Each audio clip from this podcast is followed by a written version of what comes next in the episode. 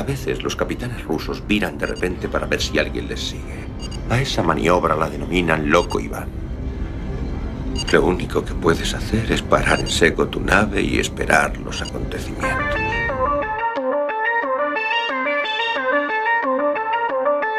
Yamasphere 347 of Space Patrol calling unidentified ship. Good night,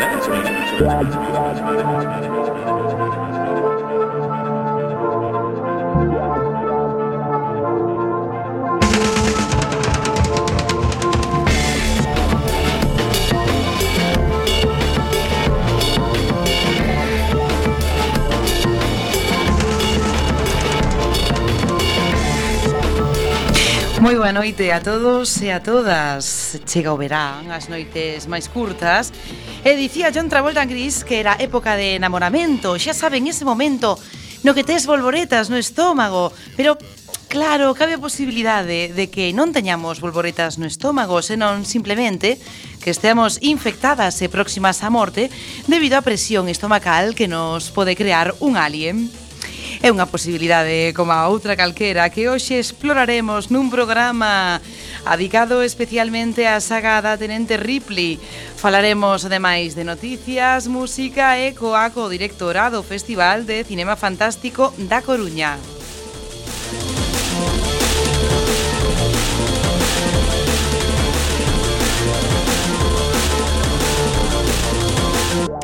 Todo isto vai ser posible da mando nosa gloriosa e extensa tripulación, empezando polo señor Bugalov na sala de máquinas. Ben, eh, non, non está, non está, bueno. Eh, o camarada Lamelov non creo que hoxe non vai poder torpedear eh, saia da sala de torpedos, por favor, e ocupe a sala de máquinas ata que volvo, señor Bugalov. Inmediatamente vou.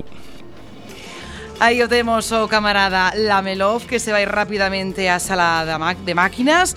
Temos tamén o segundo da bordo, o xefe de cociña Birnaren, eh, que No, que tampouco está neste momento. Deixou unha pota ao lume Que debe, debe levar tempo xa Porque ule a ha queimado. Bueno A sarxenta Conachova Responsable da seguridade do submarino Tam, No. Capitana, capitana, atopei o, o, o diario da, da Sarxento Corachova e, e un lanzachamas o, o que usamos para quemar os manifiestos trotskistas e, está medio valeiro e ali sopón xenomorfo. O sea que tampouco está, a, tampouco está. está a miña, a miña man esquerda. Bueno, temos, eso sí, a un intelectual moderno de merda, o camarada Esmendrellev. Se quere podo analizarlle xenomorfo sintáticamente.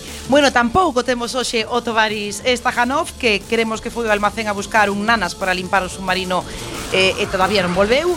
Tampouco temos a camarada Derefco que estaba na ponte de mando hai un minuto que pasei eu por ali e eh, xa non a veo xo, creo que pode estar planeando un motín. Tampouco temos a camarada taquicardia, que mm, creo que foi quitarlle unha foto a algo e eh, xa tampouco está. Creo que temos a camarada Beosca de camiño que foi buscar bicarbonato para o meu refluxo. Bueno, isto é intolerable, Siberia os espera a todos. Sigan con nós, estén aquí esta hora neste submarino hoxe cunha tripulación de mediada, pero que sigue sendo fortemente comunista. Estará sempre con vostedes. Vamos ali, saúdavos a capitana Esbletana Ibarruri. Isto é Loco Iván, comezamos. You said you wanted my love. To be a part of your. But when I came from above. Está escoitando, sí se me está escoitando. Bueno, é que acaba de coller o señor Lamelov a sala de máquinas e non sempre é sinxelo. Creo que esta música nos di que vamos xa entrar no, na nosa zona de noticias para coñecer esas novas que xa saben que olvidan sempre os medios capitalistas, pero que lle recordamos toda a semana. Imos aló.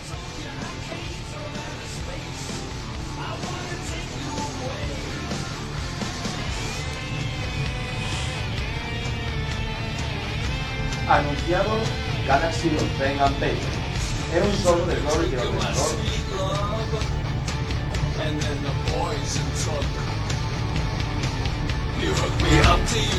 machine.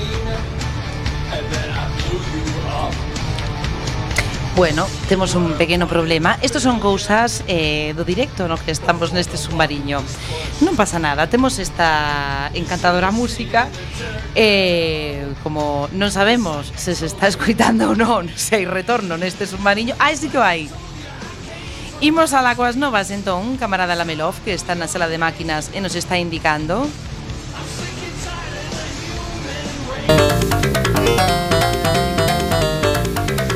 Quack FM Loco Iván.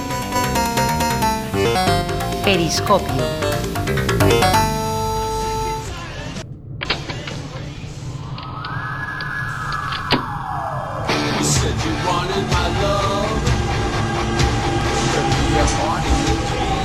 Anunciado Galaxy of Pen and Paper.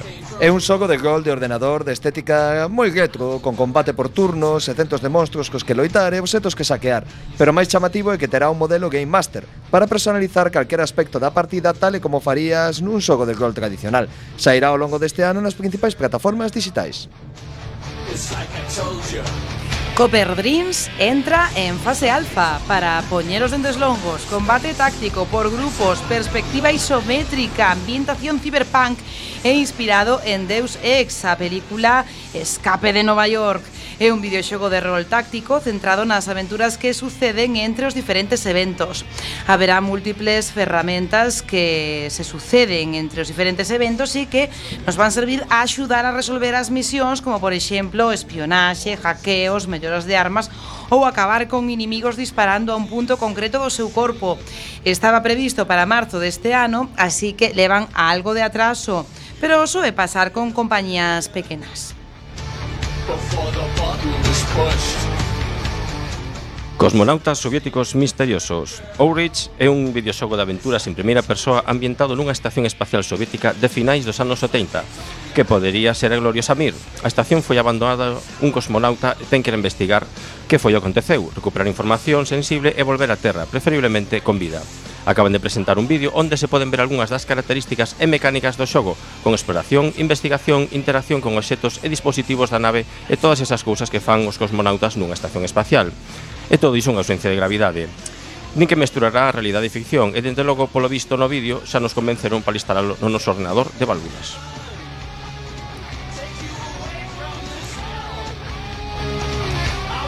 Novos xogos de mesa para Dragóns e Mazmorras, Wizard of the Coast.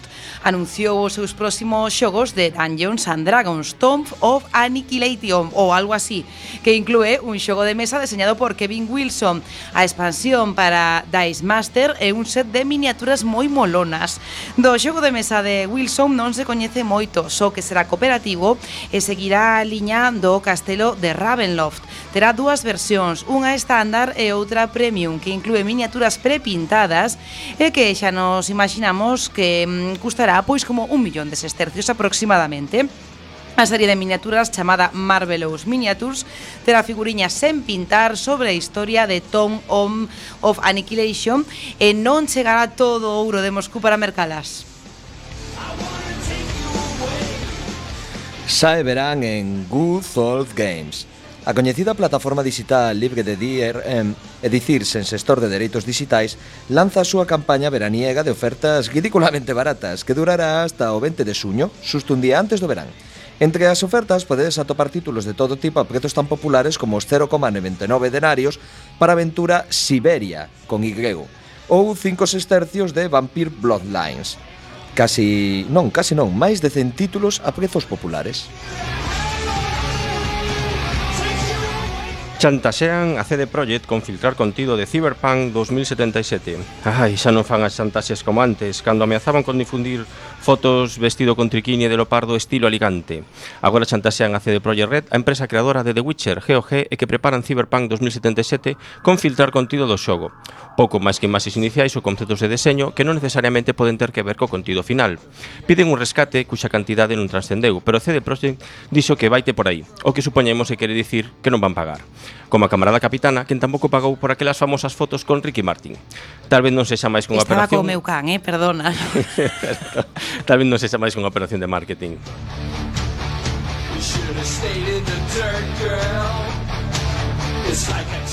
Boas críticas para Wonder Woman. Contra todo pronóstico, a película dirixida por Patty Jenkins e protagonizada por Gal Gadot tivo moitas críticas positivas despois da súa estrea en países capitalistas de fala inglesa. Tras a decepción de outras películas do universo DC como Man of Steel, Batman vs Superman e Escuadrón Suicida Wonder Woman parece que está ao nivel dos Batman de Christopher Nolan. Curioso que os bodrios anteriores de DC foran dirixidos e protagonizados por homes e tivera que chegar unha muller para facer unha boa película dunha heroína que non era precisamente das máis coñecidas.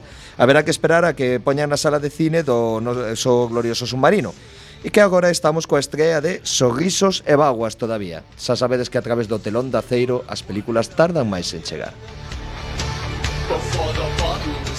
O E3 quenta motores, o E3 que pois é o Electronic Entertainment Expo. É o evento capitalista de videoxogos máis importante do mundo, máis aló do muro de Berlín, e vai se celebrar os días 13, 14 e 15 na cidade de Los Ángeles, en Estados Unidos. A maioría de obras que se presentan ali son unha porcallada comercial capitalista. Xa o saben, pero bueno, tamén aparecen cousas interesantes entre o tumulto Por exemplo, o xogo de rol Kingdom Come Deliverance, eh, que acaba de presentar o vídeo de promoción para a exposición, é unha chulada. Tamén o videoxogo de acción e rol Vampire, que representa o mundo escuro e tenebroso en Londres de 1928. Xa vos lo contamos dende aquí. Take E para que matar, o meu estimado colega Félix Cagueira Aviso presenta hoxe novo libro. O noso gran camarada que estivo con nos no submarino presentou hoxe a súa nova novela, Lágrimas de Neón, de, obviamente, temática cyberpunk, que é o que lle mola ao tío e o que nos mola tamén a nos. Foi ás 19.30 en Alita Comics Dorzán e contou coa presencia do tamén gran camarada Xosé Duncan. Boa sorte coa túa nova creación, camarada.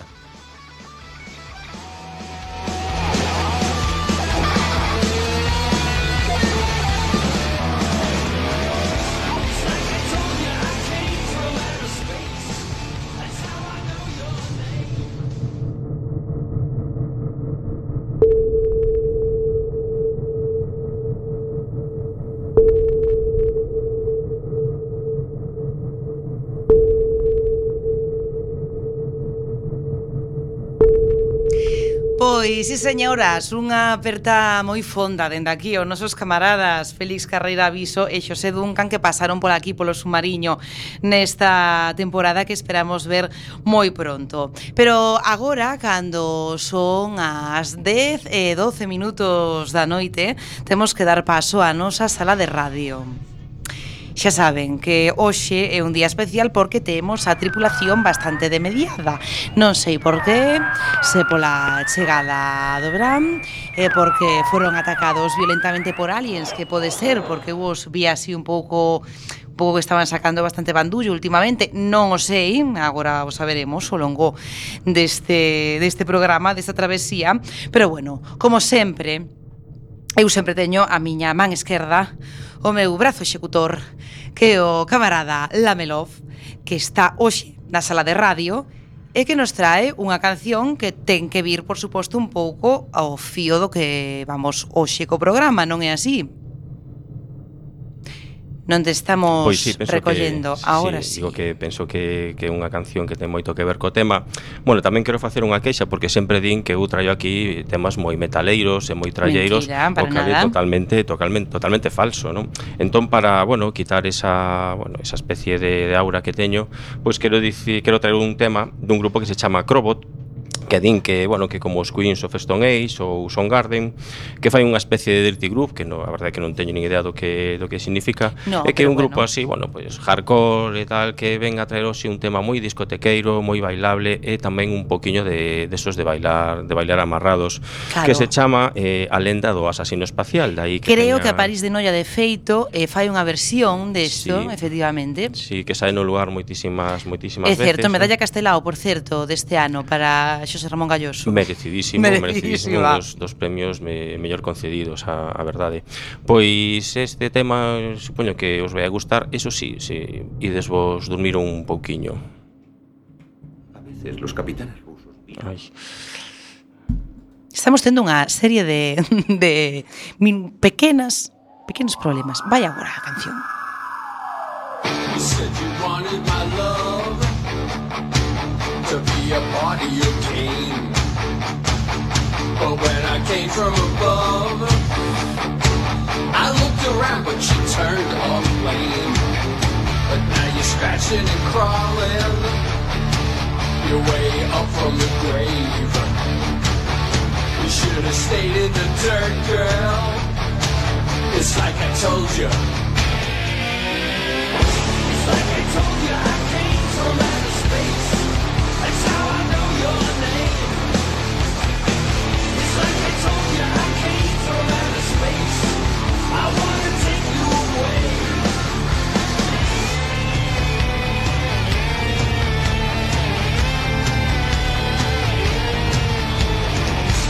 took a drink of my sweet love, and then the poison took.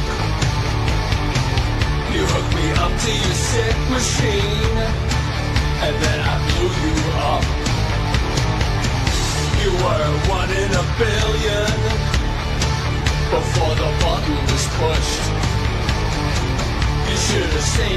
Dirt, girl. It's like I told you. It's like I told you I came from outer space. That's how I know your name. I'm sick and tired of the human race. I wanna take you away.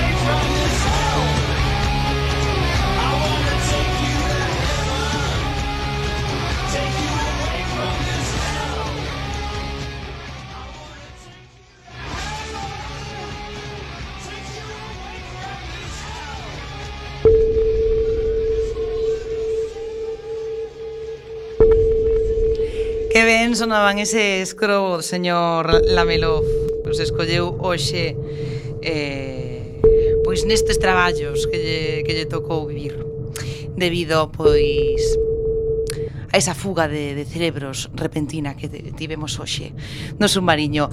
Pero seguimos adiante eh, e nos vamos dende a sala de radio a nosa biblioteca a ver que, que escollemos hoxe.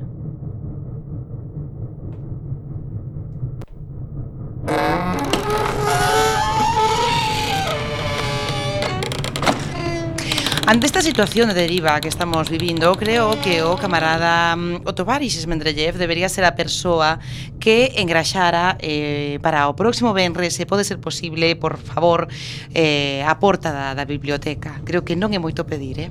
A mí gustame todo o que se poida facer nunha biblioteca capitana, ter a porta engraxada para o seguinte viaxe debe repetir esa frase porque creemos que os espectadores non escoitaron. que calquera cousa feita nunha biblioteca, a min agádame capitana, con moito gusto encasarei a porta. Bueno, para dicir eso, pois daba o mesmo que che ativaran o micro. Eh, vamos a ler, eh, como non, hoxe. Pois así buscas o azar un libro e hoxe, xusto, que casualidade, que queríamos falar dos Alien, escollemos o libro de Alan Dane Foster, Alien o oitavo pasaxeiro. É unha novelización eh, basada na historia original de Dan O'Bannon eh, da película do querido, eh, tamén odiado, eh, Ridley Scott.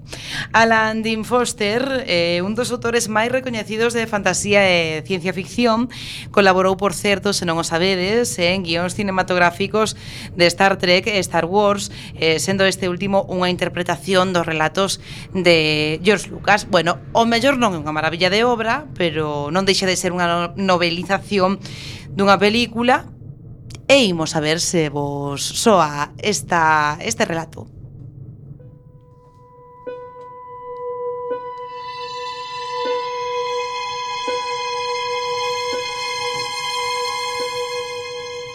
Parker, Lambert,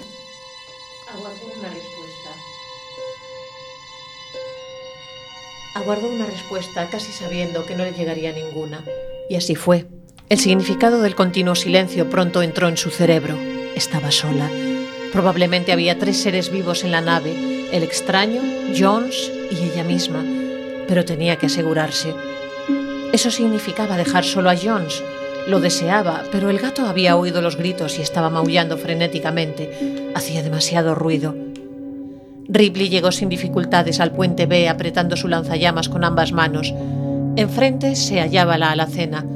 Había cierta posibilidad de que el extraño hubiese dejado atrás a alguien incapaz de maniobrar con dos cuerpos por los estrechos ductos. Había posibilidad de que alguien aún estuviera con vida. Ripley espió por la jamba de la despensa. Lo que quedaba le mostró cómo el extraño había logrado meter por la fuerza a sus dos víctimas en el respiradero. De pronto se encontró corriendo, corriendo, a ciegas, casi locamente, sin pensar en nada. Las paredes parecían alargarse tratando de detenerla, de hacer más lenta su carrera, pero nada podía detener su loca fuga. Corrió hasta que sintió reventar sus pulmones. Le recordaron a Kane y a la criatura que había madurado dentro de él, cerca de sus pulmones. Esto, a su vez, le recordó a su enemigo. Todas esas ideas le devolvieron la capacidad de pensar. Tratando de tomar aire, casi se detuvo y contempló lo que la rodeaba. Había corrido a lo largo de la nave, ahora se encontraba sola en mitad del cuarto de máquinas. Oyó algo y dejó de respirar. El sonido se repitió y ella dejó escapar un suspiro cauteloso. Era un sonido familiar, humano, era un sonido de llanto. Aún abrazando el lanzallamas, caminó lentamente alrededor del cuarto hasta llegar a la causa del sonido. Se encontró sobre la cubierta de una escalera un disco redondo de metal. Sin apartar su atención de la cámara bien iluminada a su alrededor, se arrodilló y quitó el disco. Una escalera descendía casi en las tinieblas. Ripley descendió, tentando las paredes, hasta que puso los pies en algo firme. Entonces activó su barra de luz. Se hallaba en una pequeña cámara de mantenimiento. Su luz iluminó recipientes de plástico y herramientas pocas veces usadas. También dio sobre huesos, con pedazos de carne aún unidos. Sintió que se le ponía la carne de gallina al caminar sobre fragmentos de ropa, sangre coagulada, los restos de una bota. A lo largo de las paredes se hallaban cosas extrañas. Algo se movió en las tinieblas. Ripley se dio la vuelta y levantó el cañón del lanzallamas, mientras su luz buscaba lo que se había movido. Un gigantesco capullo colgaba del techo, un poco a su derecha.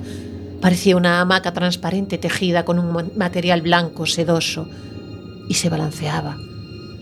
Con el dedo tenso en el gatillo del lanzallamas, Ripley se acercó. El rayo de luz le mostró el capullo casi transparente. Dentro había un cuerpo. Dallas. De pronto los ojos se abrieron y enfocaron a Ripley. Los labios se separaron formando palabras. Ella se acercó al mismo tiempo horrorizada y fascinada. Mátame. Susurró a Ripley. ¿Qué te ha hecho? Dallas trató de hablar nuevamente y no lo logró. Su cabeza se inclinó ligeramente hacia su derecha. Ripley hizo girar su luz y la levantó ligeramente. Allá colgaba un segundo capullo, distinto del primero en textura y en color. Era más pequeño y oscuro. La cara parecía haber formado una concha gigante. Aunque Ripley no lo supiera, parecía la urna rota y vacía de la nave abandonada. Ese, ese es Brett. Ripley volvió la luz a los labios de Dallas. Te sacaré de aquí. Haremos funcionar el automédico. Te Te llevaremos de aquí. Se interrumpió, incapaz de continuar. Estaba recordando la analogía hecha por Ash de una avispa y una araña. Las crías vivas alimentándose del cuerpo paralizado de la araña, creciendo consciente de lo que estaba ocurriendo, pero de algún modo logró sacudirse aquella horrible línea de pensamientos. La conduciría a la locura. ¿Qué, qué, qué puedo hacer? El mismo susurro enloquecedor. Mátame. Ripley lo contempló. Por fortuna los ojos se habían cerrado, pero los labios aún temblaban como preparando un grito. Ripley no creyó poder soportar aquel grito. El cañón del lanzallamas se levantó y Ripley oprimió convulsivamente el gatillo. Una descarga envolvió al capullo y a lo que había sido Dallas. Todo se quedó sin un sonido. Luego Ripley lanzó otra descarga contra todo el compartimento, que se llenó de llamas. Para entonces Ripley ya iba subiendo la escalera sintiendo el calor abrasar sus piernas. Ripley asomó la cabeza en el cuarto de máquinas. Aún estaba desierto. El humo pareció rodearla, haciéndola toser. Salió de allí. Con el pie volvió a poner el disco en su lugar, dejando un hueco para que el aire llegase al fuego. Luego avanzó resueltamente hacia el cubículo de control del cuarto de máquinas. Aparatos y controles funcionaban adentro pacientemente en espera de que se les ordenara qué hacer. En un tablero, en un tablero particular, los interruptores estaban en rojo. Ripley los estudió, recordó ciertas frecuencias y empezó a desconectar los interruptores uno por uno. Un interruptor doble yacía protegido bajo una cubierta. Ella lo contempló un momento, luego retrocedió y lo soltó con la culata del lanzallamas, lo movió y encendió el doble control. Tuvo que aguardar una eternidad. Las sirenas empezaron a aullar. Una voz llamó desde intercomunicación y Ripley dio un salto hasta que reconoció la voz de madre. Atención, atención, las unidades de enfriamiento de los motores de hiperimpulso no están funcionando. Las cubiertas no están funcionando. Los motores se sobrecargarán en 4 minutos, 50 segundos, 4 minutos, 50 segundos. Ripley iba a la mitad del corredor B cuando se acordó de Jones. Lo encontró maullando continuamente frente al micrófono, tranquilo y solitario en su caja presurizada entre el puente y el nivel B. Ripley lo levantó y corrió con la caja, azotando sus piernas rumbo a la navecilla, con el lanzallamas asegurado bajo el otro brazo. Dio vuelta a la última curva que conducía a la navecilla. De pronto, dentro de su caja, Jones bufó. Los pelos de su lomo se pusieron de punta. Ripley se detuvo y contempló fascinada la cerradura abierta. Unos sonidos de metal destrozado llegaron hasta sus oídos. El extraño estaba dentro de la navecilla. Dejando a Jones a salvo en las escalerillas del nivel B, Ripley corrió de vuelta al cuarto de máquinas. El gato protestó con todas sus fuerzas por su nuevo abandono. Mientras ella corría hasta el cubículo de la máquina, una voz paciente y tranquila llenó la habitación. Atención, las máquinas estarán sobrecargadas en 3 minutos, 20 segundos. Al entrar en el cubículo, una pared de calor la rechazó. El humo dificultaba la visión.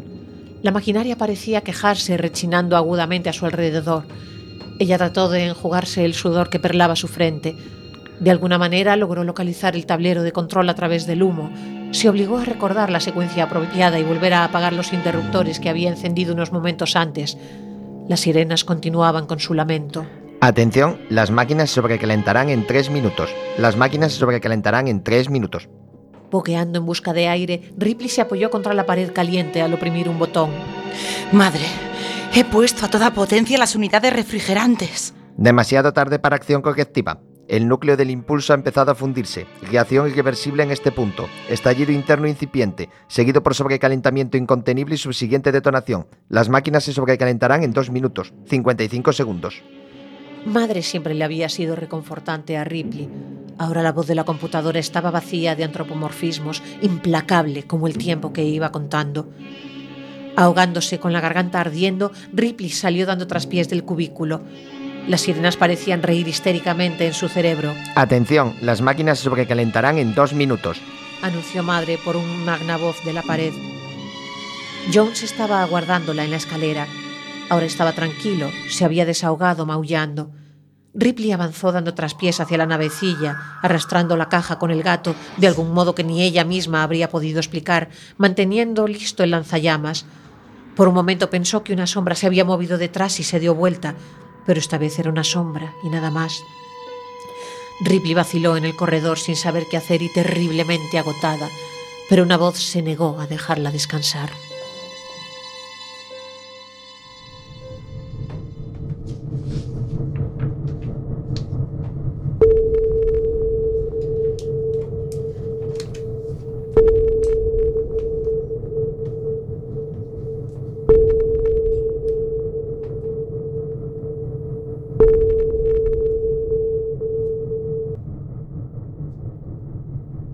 Bueno, pois a todos nos sonaba un pouquiño, non, ese ese relato e como e seguía.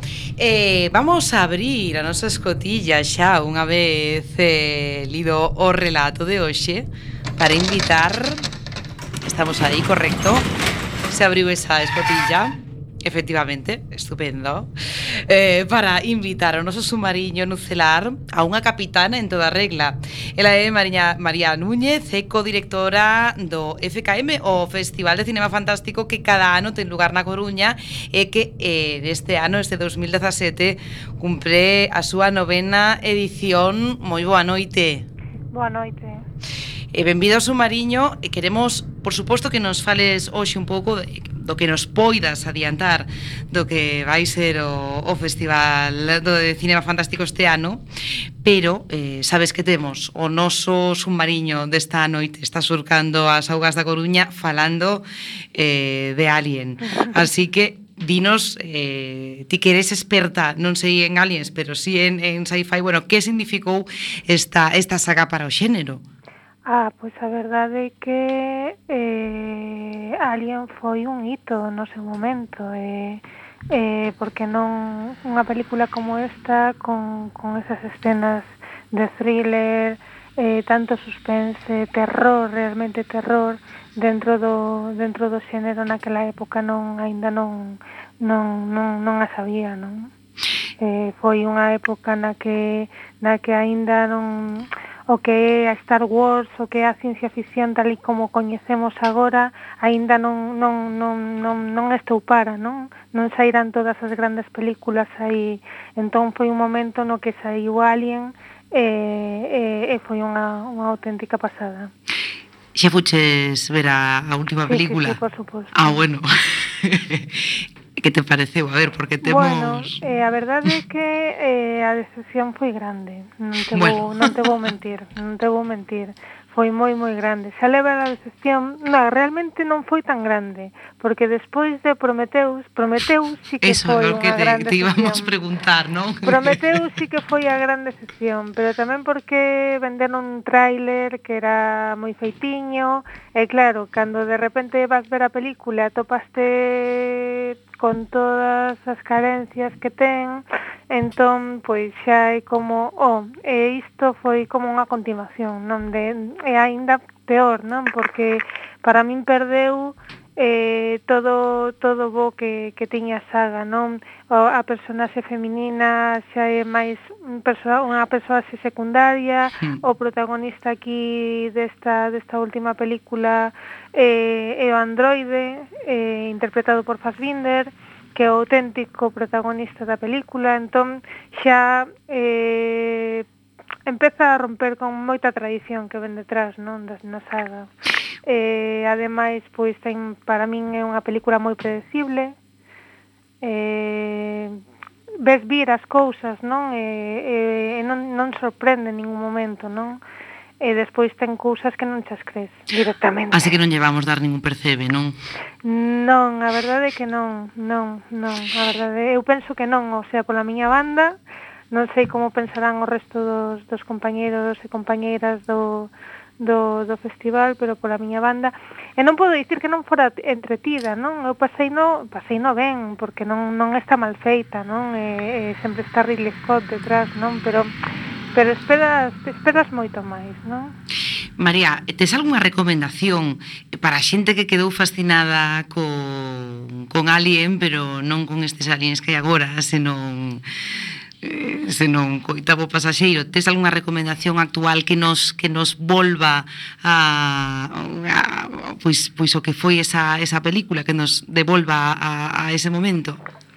Eh, recomendación actual agora mesmo pois tería que pensar, a verdade que agora mesmo eh non sei, eu estaba máis ben pensando en películas da época, eh eh, relacionadas con aliens, eh, que, que son así un pouco descoñecidas eh, A ver, pois eh, contanos Como Contamin Contamination de Luigi, de Luigi Cozzi ou, ou Cryptozoids que son películas que por exemplo Crypt Cryptozoids eh, unha película que saiu a estela despois de Alien que é así unha, unha película así de moi serie BZ que hmm. ten unha boa banda sonora Eh, son así un pouco as películas así un pouco máis tipo trash, divertidas, nas que che podes rir un montón e que están así copian un pouco o que o que é Alien, por exemplo, a de Contamination de Luigi Cozzi ten moito dos os ovos estos de de Alien, os ovos, os ovos míticos sí. dos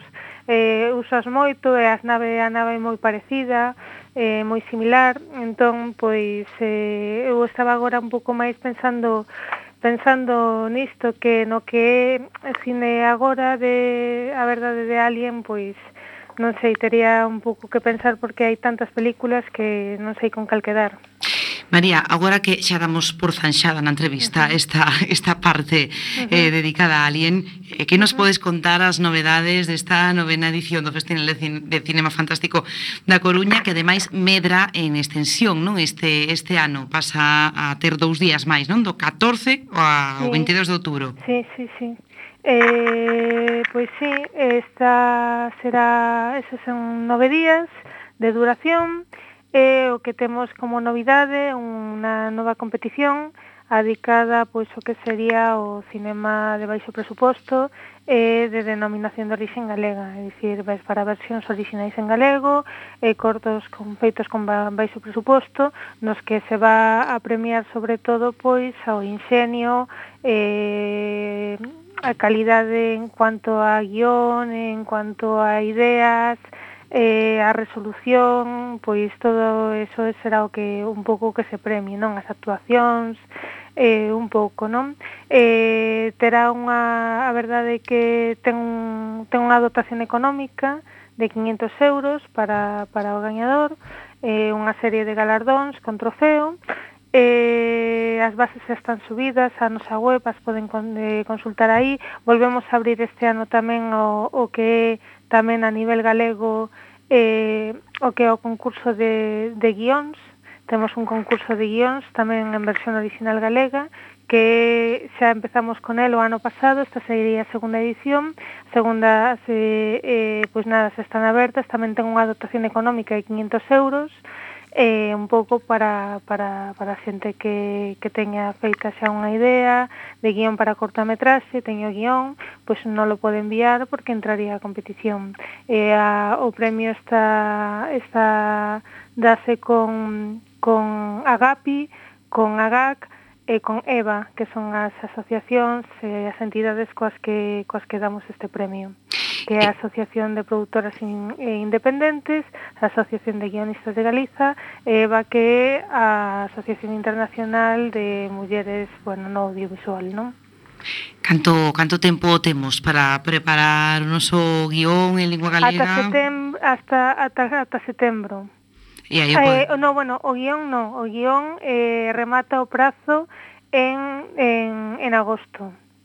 Non, en agosto, en xulio, en xulio, perdón, perdón, que estaba que estaba, estaba agora un pouco remato plazo eh, é eh, eh, un mes, un mes o que hai de prazo máis ou menos. Eh, María, como está, non te vou preguntar como está a produción audiovisual, pero eh, si o mellor como como están as, as mentes en, en Galicia, me refiro se, se recibides eh, non sei o, cantos guións recibichedes o ano pasado, este ano abrides unha nova sección competitiva, Cinema Fetus, Eh, que realmente eh, para min loable e, eh, e que mostra o potencial tamén que hai que hai en, en Galicia e en lingua galega que tamén se pode facer ciencia ficción inda que o mellor hai, hai xente que non o cree.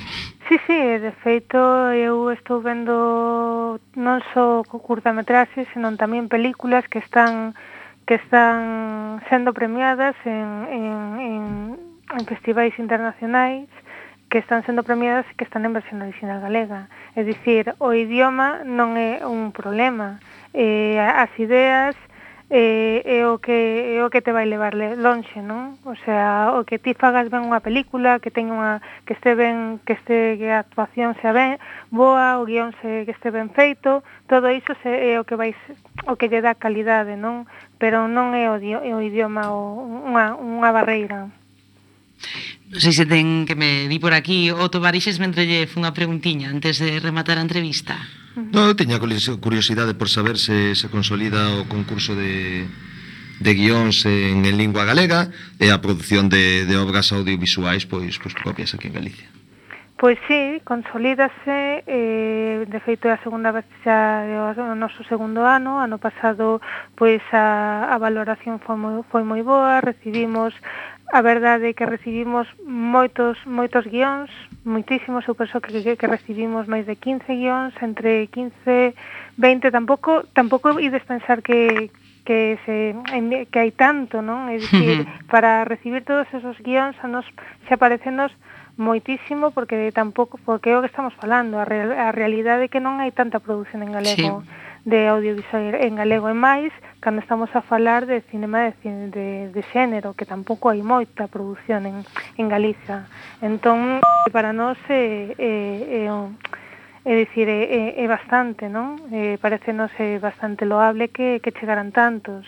E por outra banda, pois o ano pasado fixemos eh, eh, tivemos pois unha boa unha boa produción eh, un montón de curtametraxes eh, galegas como foron a de Olgo Gosorio, estivo, estivo tamén decorado, tivemos Pichuc, e eh, bueno, a verdade é que eh, diante de cada película todas as obras que se pasaron eh, a Gasunga eran todas en, eh, eran todas obras galegas. Eh, despois en competición tiñamos dous galegas. Eh, eh, eh, había unha película, ópera prima tamén galega, é dicir, eh, non é que haia pois a lo mellor todo todo o festival, pero sí que temos unha boa unha boa unha boa porcentaxe de de produción galega no no na nosa programación. María, pois moitísimas gracias por vir esta noite os Mariño e moitísimas gracias por facer cada ano ese festival de cinema fantástico, ese antigo Frigmacín que, que tanto nos gusta neste submarino. Uh -huh. Vale, moi ben, moitas grazas a vos. Ata logo. Ata logo.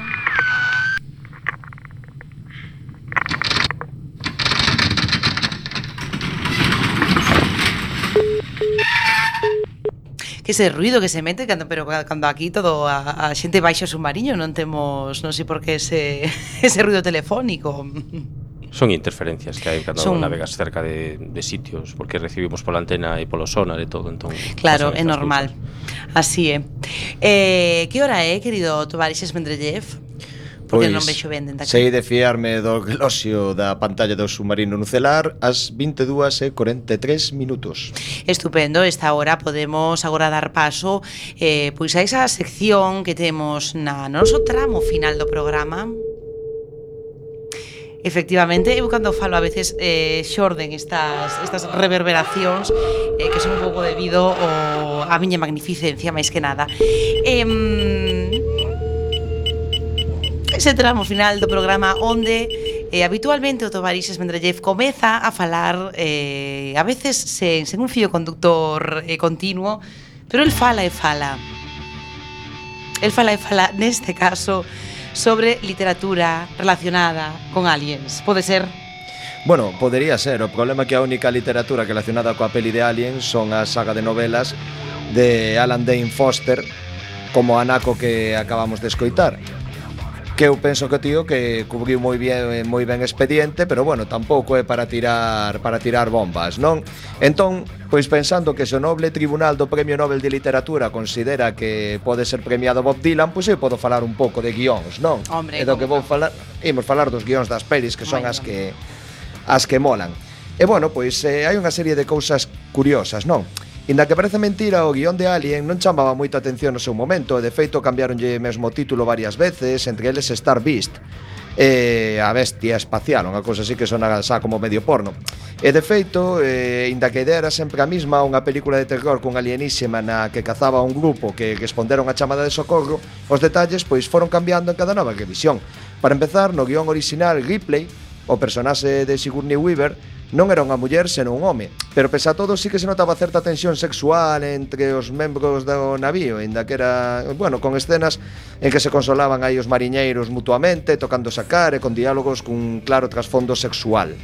Eh, para que matar o tema, pois o alienígena non era como coñecemos nós, non? Esta, esta cousa tan boa que fixo que fixo Giller, senón pois que era unha cousa chea de tentáculos que iba capturando e xogando coa tripulación do xeito máis homoerótico posible, E de feito ali morría todo o mundo. Non se salvaba nin o gato. E claro, Ripley pois tamén tamén morría. Ripley que era un home, así, todo todo moi así.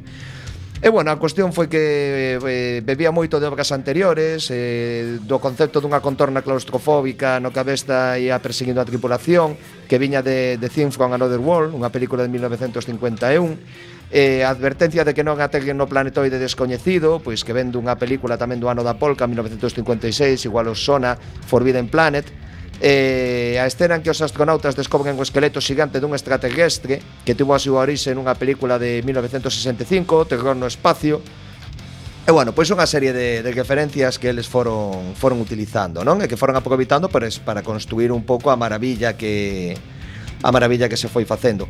A película tivo máis cousas curiosas, non? Por exemplo, a Verónica Cartwright, que era, sabedes, unha muller que nun momento dado, cando soe o becho da barriga, do tipo que está comendo, mm. lle salpica sangue na cara e demais, e a tía botas a vergar.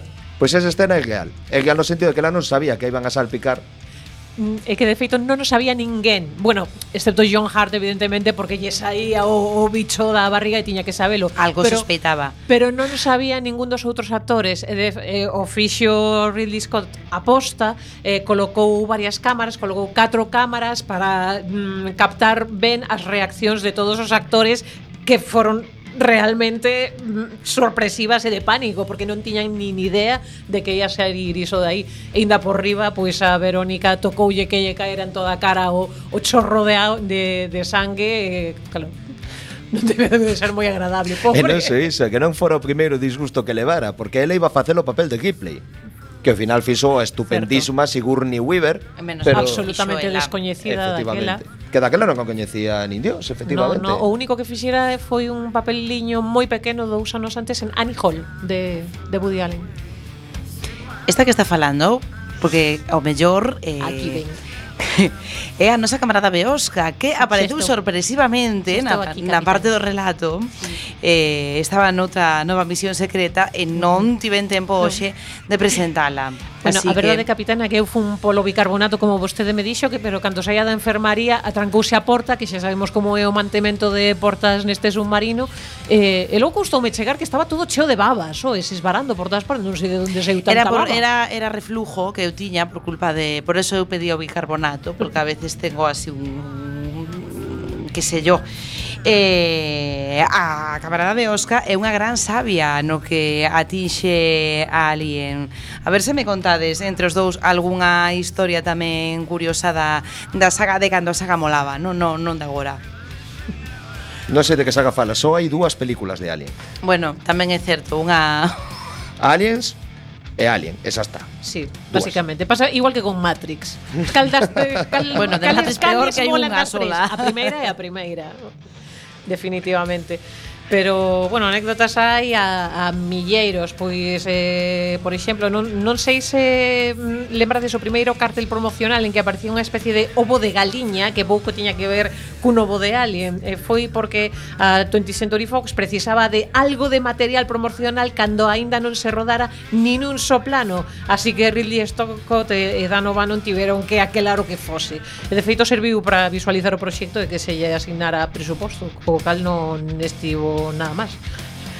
Eh, en canto que dicía o, o compañeiro eh, de que inicialmente o, o actor ia ser un home, efectivamente, eu incluso lín por aí que pensaban en Paul Newman como sí como su oficial en Ripley, pero Pero Paul Newman no como sé. Alien, creo que. Paul Newman xa estaba en fase Alien naquel momento. Daquela xa era un pouco maior para facer de, bueno, non sei, aí cada Bueno, que... date conta que na película eran todos moi veteranos. Prácticamente Sigourney Weaver e eh, a outra muller Verónica eran as máis novas do, do navío, que estes mm. Ah. actores serían entrados na cincuentena. Sí. Que é algo hasta extraño para un thriller feito nesa nesa época. O mellor pois pues, sí que lle tocaba por iso a Paul Newman, ainda que estivera un pouco bello. Pero bueno, mm. eu estou seguro que todos estamos seguris, vamos, contentísimos co, coa sí, Tenente sí, sí. Ripley, que para min fixo un arquetipo de heroína que non volveu a aparecer sí. algo parecido ata agora mismo Imperator Furiosa, da cal estou totalmente enamorado, absolutamente, non? Eh, quero comprar unha lanza, neste caso pola segunda pola segunda película que Aliens, que xa cambia moito o tono, xa non é un thriller, é unha película bélica, moi ben mm. feita. A min pareceme que a escena de presentación cando levantan de hibernación os soldados é de maestro, como consigue deixar a todos os personaxes marcados e que xa te enamores deles e que che preocupe o que lles pase e ten outro personaxe ese femenino extraordinariamente forte que é a, a Soldado Vázquez que uh -huh. seguro que, que todos recordamos e temos, e temos en mente uh -huh.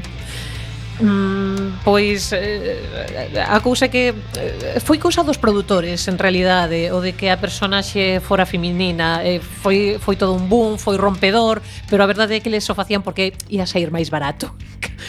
bueno, as cousas xa sabemos, ás veces non as, as cousas saen ben nin das en querelo sequera. Eh, Sigourney Weaver efectivamente foi eh, todo un descubrimento. Ela, ela de feito era moi consciente de que era a novata e eh, de que ali pois incluso o seu papel podía peligrar ata por culpa do gato, porque cando empezou a rodaxe co felino, descubriu reaccións alérxicas na súa pel e pensou que unha descoñecida como ela era máis reemplazable que os catro gatos idénticos que interpretaban o felino. Afortunadamente para ela, a reacción finalmente resultou ser causada por un produto de maquillaxe usado para acentuar o efecto da suor e que era, bueno, prescindible. Así que ali quedou. Bueno, pois, eh, canto sabíades? Non sabía eu que, que, que, que era tan, tan fans de Alien unha das cousas que me, que me sorprende ás veces. Vos no submarino vos sentides a veces un pouco Ripley? Eu hoxe concretamente non sei, hai como un algo no ar que o, Hoxe me sinto horrible, non sei se é o mesmo, pero Horrible. Eh, horrible. Eh... Eu pregunto onde están todas as eh, compañeiras. Non o se sei. Se pasaría algo. Bueno, quen sabe, se están así eh, mm, mm... ah. Non sei que lle pois pasaría con elas, pero Eh Camarada Lamelov, eh, que nos trae vostede hoxe eh, do, do, do mundo dos videoxogos? Eh, mm? Bueno, eu sabedes que sempre poño cousas extrañas, pero son super fan tamén de, sobre todo, a primeira película. A segunda tamén estivo ben, para mí gustoume moito. A miña segunda gustoume moito, eh, A miña segunda tamén gustoume moito, pero claro, a sorpresa que tiven coa primeira foi en maiúscula porque fun con nove anos ou oito anos co, co meu tío Julio que aproveito para saudar que é unha das cousas boas que fixen con el que me levou ao cine a, a ver Alien eh, saín dali morto de medo é super fan E mira que cousa que, que Alien eh, cruzara o muro de Berlín eh? Sí, claro, porque Alien é eterno e, e aparte no muro de Berlín xa, dixo, xa dixen que era eh, para non entrar, non para non sair. Tamén é certo.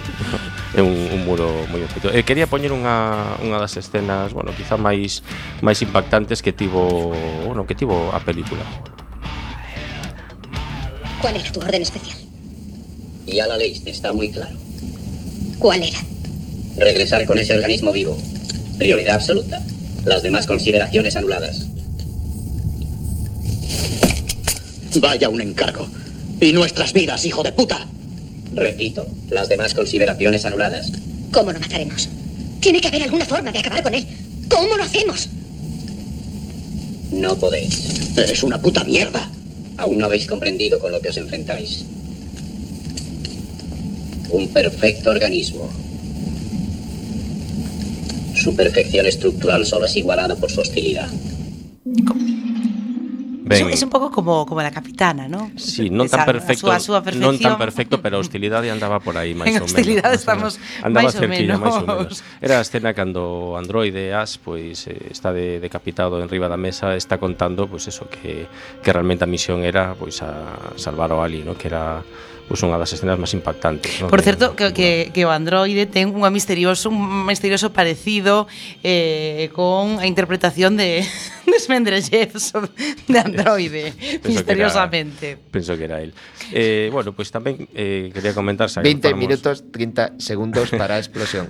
que fa, falamos de videoxogos, quería falar do, pues, do mellor videoxogo de Alien, un dos mellores videoxogos que, que se fixeron, que o de Alien Isolation, que é o único eh, o único videoxogo de, de Alien pois que recupera eh, o espírito da primeira película. Fixeron moitos moitos xogos eh, eh, pois de estrategia, de acción, de pois de como che diría eu, pues de eso, sobre todo de, de combate, eh, pero ningún deles eh, contribuiu a, pues eso, a manter o espírito da, da película, da película original nos videoxogos. E Alien Isolation eh, sí que mantén sí que mantén esa, ese, ese punto de tensión, de medo, de inmersión, non de, de que só había un bicho e de que ti estás só contra ese bicho que ao final non o podes matar en todo o xogo, co cal sempre tes que andar por aí pois escapando, non? Era o videoxogo, bueno, que estaba a licencia en poder de, de Sega e logo eh, bueno, deu a licencia a, a Creative Assembly que a verdade que fixeron un, un traballo magnífico porque, eso, como dicía, son os únicos que conseguiron plasmar o, a saga, eh, bueno, a película nun, nun videoxogo.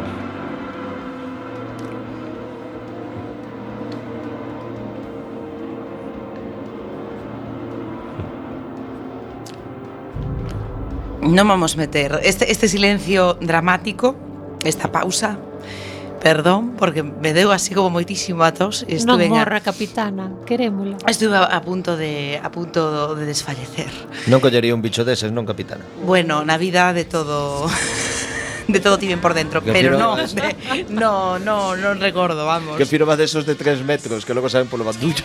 Eh, no, no, no, no, no, no. Pero mira que eh, viaxei, viaxei moito, eh, pero no, no. Eh, que isto? autodestrucción. e autodestrucción, mira, pois case como tivemos un pouquiño de problemas hoxe técnicos, vamos a despedir porque xa nos queda moi pouquiño de programa. Eh, xa saben, miren moito o que coman esta semana. Se non queren ir ao cine a ver Alien Covenant, non vayan, porque total non pasa nada. Eh, se o señor Ramelov quere seguir con esta música tronadora, eh, gracias, pois tampouco pasa nada. O importante é que sorrían, é que sexan felices, eh, que escoiten este, este, este himno, que se imbúan del, que, que o metan dentro como se fora un alien. Eh, e que tomen moito vodka, pero bueno, moito con moderación.